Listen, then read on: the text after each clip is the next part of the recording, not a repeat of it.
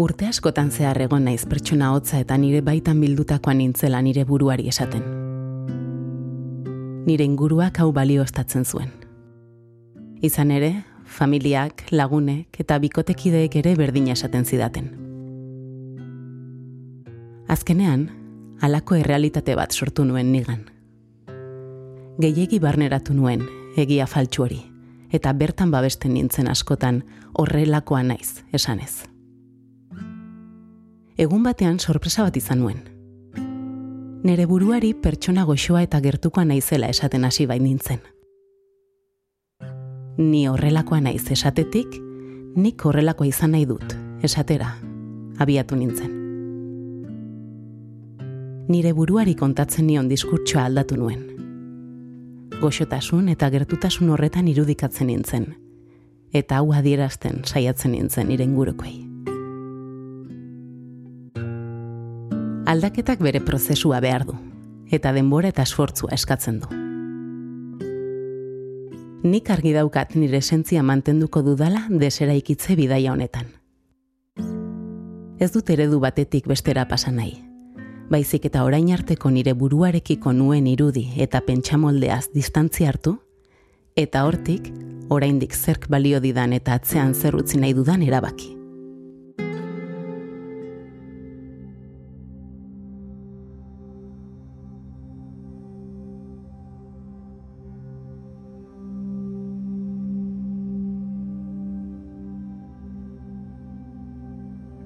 Naomi Mendizabal naiz eta urratsa da. Ongizaterako eta norbanakoaren azkuntzarako podcasta.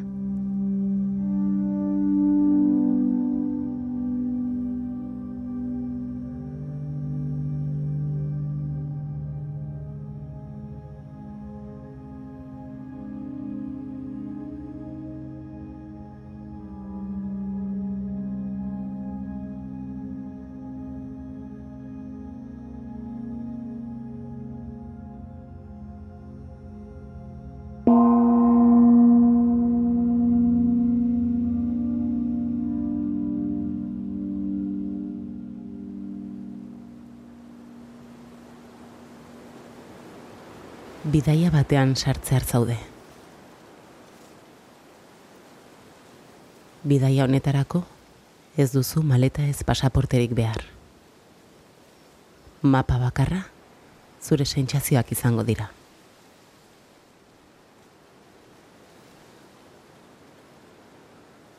Hauek erakutsiko baitizute bidea eta zuk erabakiko baituzu noraino iritsi nahi duzun.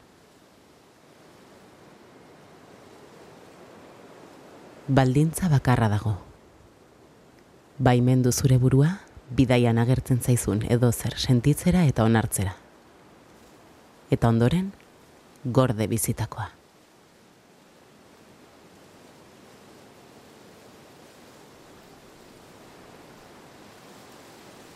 Pentsamendu, emozio, sentipen bakoitza, eskeronez agurtu eta jarraitu aurrera.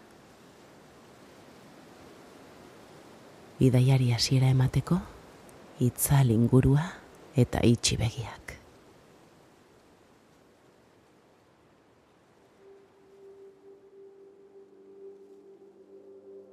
Eremu lasai eta seguru batean zaude.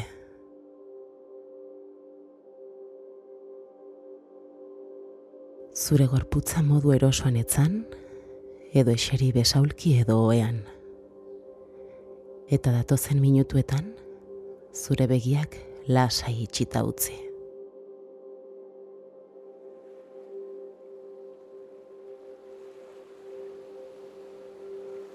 Gorputz fisikoa lasaitzeko, harreta gorputzeko atal bakoitzera ekarri, eta tentxatu eta soltatu gihar bakoitza. Tentxatu eta soltatu oinetako behatzak bernak, izterrak, ipur masaiak, bizkar osoa, sabela, bularra. Besoak. Eskuak.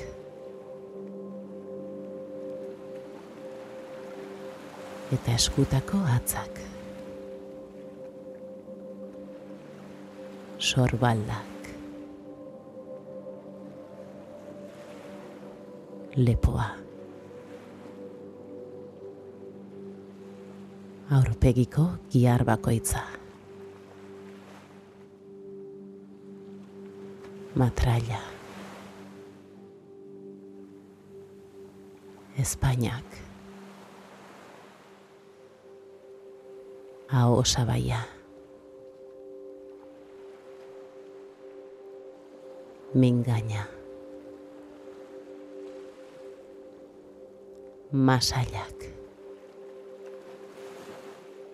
Sudurra. Begiak. Copeta.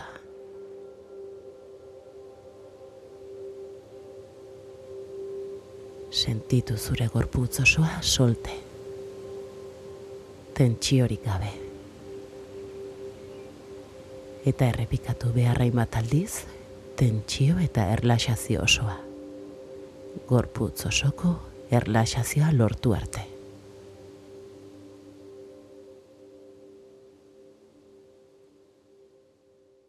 Aditu zure arnasketa jarraian.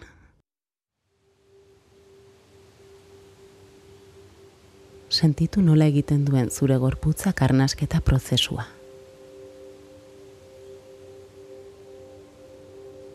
Gaurkoan, arnasketa karratua landuko dugu. Bertan, arnasa hartu eta bota ondoren, geldialdi txiki bat egitea proposatuko dizut. Hiru segunduko geldialdiekin hasi zaitezke eta pixkanak atrebatzen zoazen einean, segunduak gehitu. Hartu arnasa, hiru segunduz.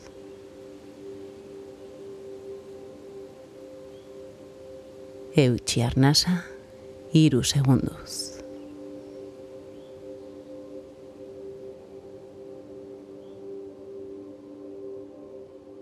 Bota izedena, hiru segunduz.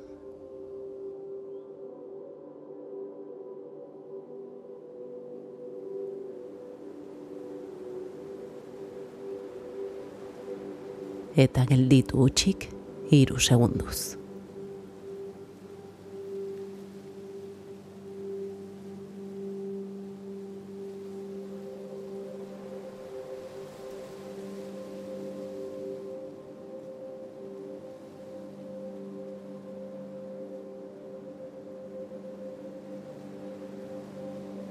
errepikatu prozedura hau behin eta berriz. Zure burua eta gorputza lasai sentitu arte.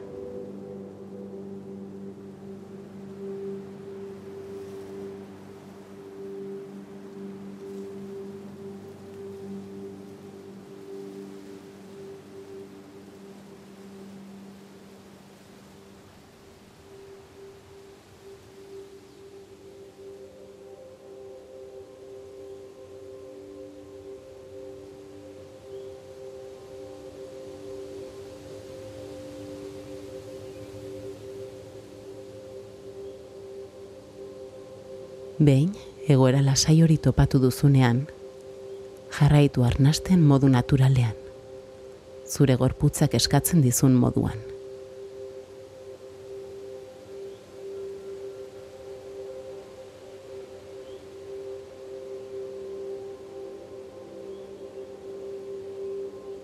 Jarri harreta zure beharretan nahiei eta askatu kontrola.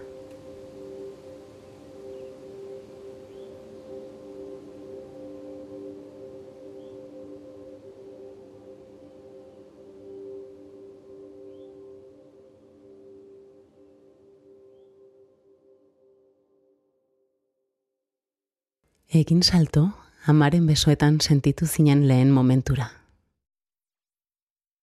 Jaio berria zara eta dena dago esploratzeko. Zure gorputzetik hasita, egunero gauza berriak ezagutzen dituzu. Eta harrituta gelditzen zara, lortu berri duzun mugimendu bakoitzarekin. Egun bakoitza, esploratzeko aukera berri bat da. Zure buruaz maite mintzen hasi zara, eta honek gustura sentiarazten zaitu. Oso gustura. Handitzen zoazen enean, zure gorputzaz gain, ingurua ere senti dezakezu. Ingurutik datozen estimuluetara zabaldu zara.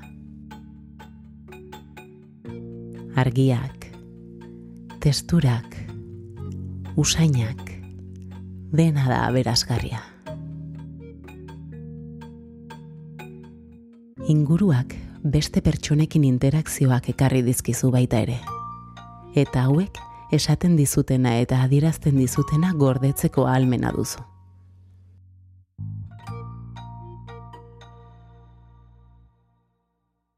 Bigarren saltoa, sei zazpi urte zenituen garaira egingo duzu. Energia zara.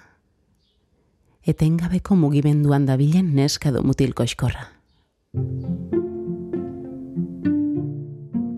Zure gaitasunak proban jarri nahi dituzu eta onarpena bilatzen zabiltza une oro. Gogoan duzu zer adirazten zizuten gurasoek? Irakasleek? Garai hartako lagunek? Adin hartako zein oroitzapen duzu gertuen? Askotan etortzen alzaizkizu garai hartako oroitzapenak burura. gaur egun duzun pertsonalitatearekin loturarik egin alzenezake garai hartan pasatu zenuen egoera batekin.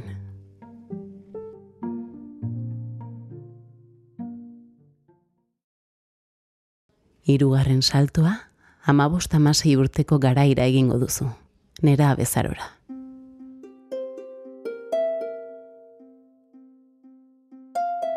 Zer gogoratzen duzu nera bezarotik? nolako azinen garai hartan. Zer egin zuten lagunek zugan? Eta familiak? Eta irakasleek? Zer garrantzia ematen zenion zure pertsonalitatea azaltzeari? Barrura begiratu eta saiatu bilatzen galdera hauen erantzuna. Imaginatu zurea zen errealitate hori ez dela horrela. Edo agian bai. Haurtzaro eta nerabezaro gardena eta garbia izan duzu, eta ez duzu garaiaietan ikasi eta ikusitako estruktura zarrak gaurkoekin talka egiten sentitu. ala bada, ondo dago. Eta ez bada, garai zaude zure desera ikitze bideari ekiteko. Desera ikitzeko bidea norbanakoarena da. Individuala, autonomoa eta batzuetan bakartia.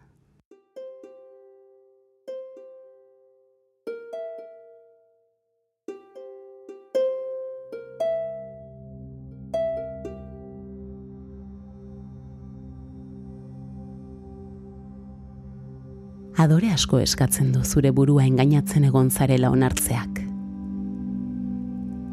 Baita natural edo oikotzat onartu dituzun gauza asko birplanteatzeak ere.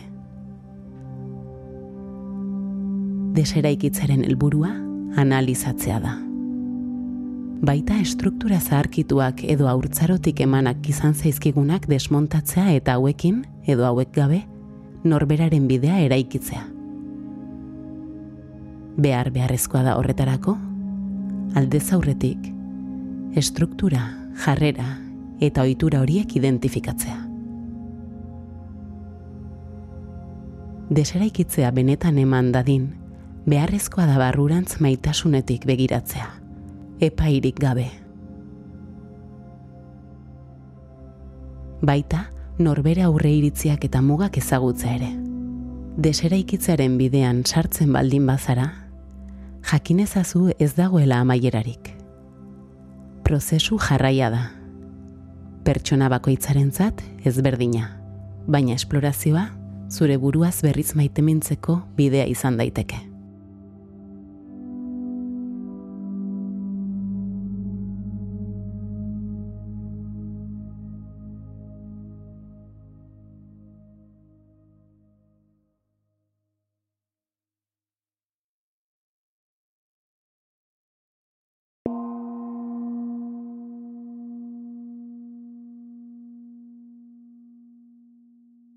Naomi Mendizabal naiz eta hau urratsa izan da.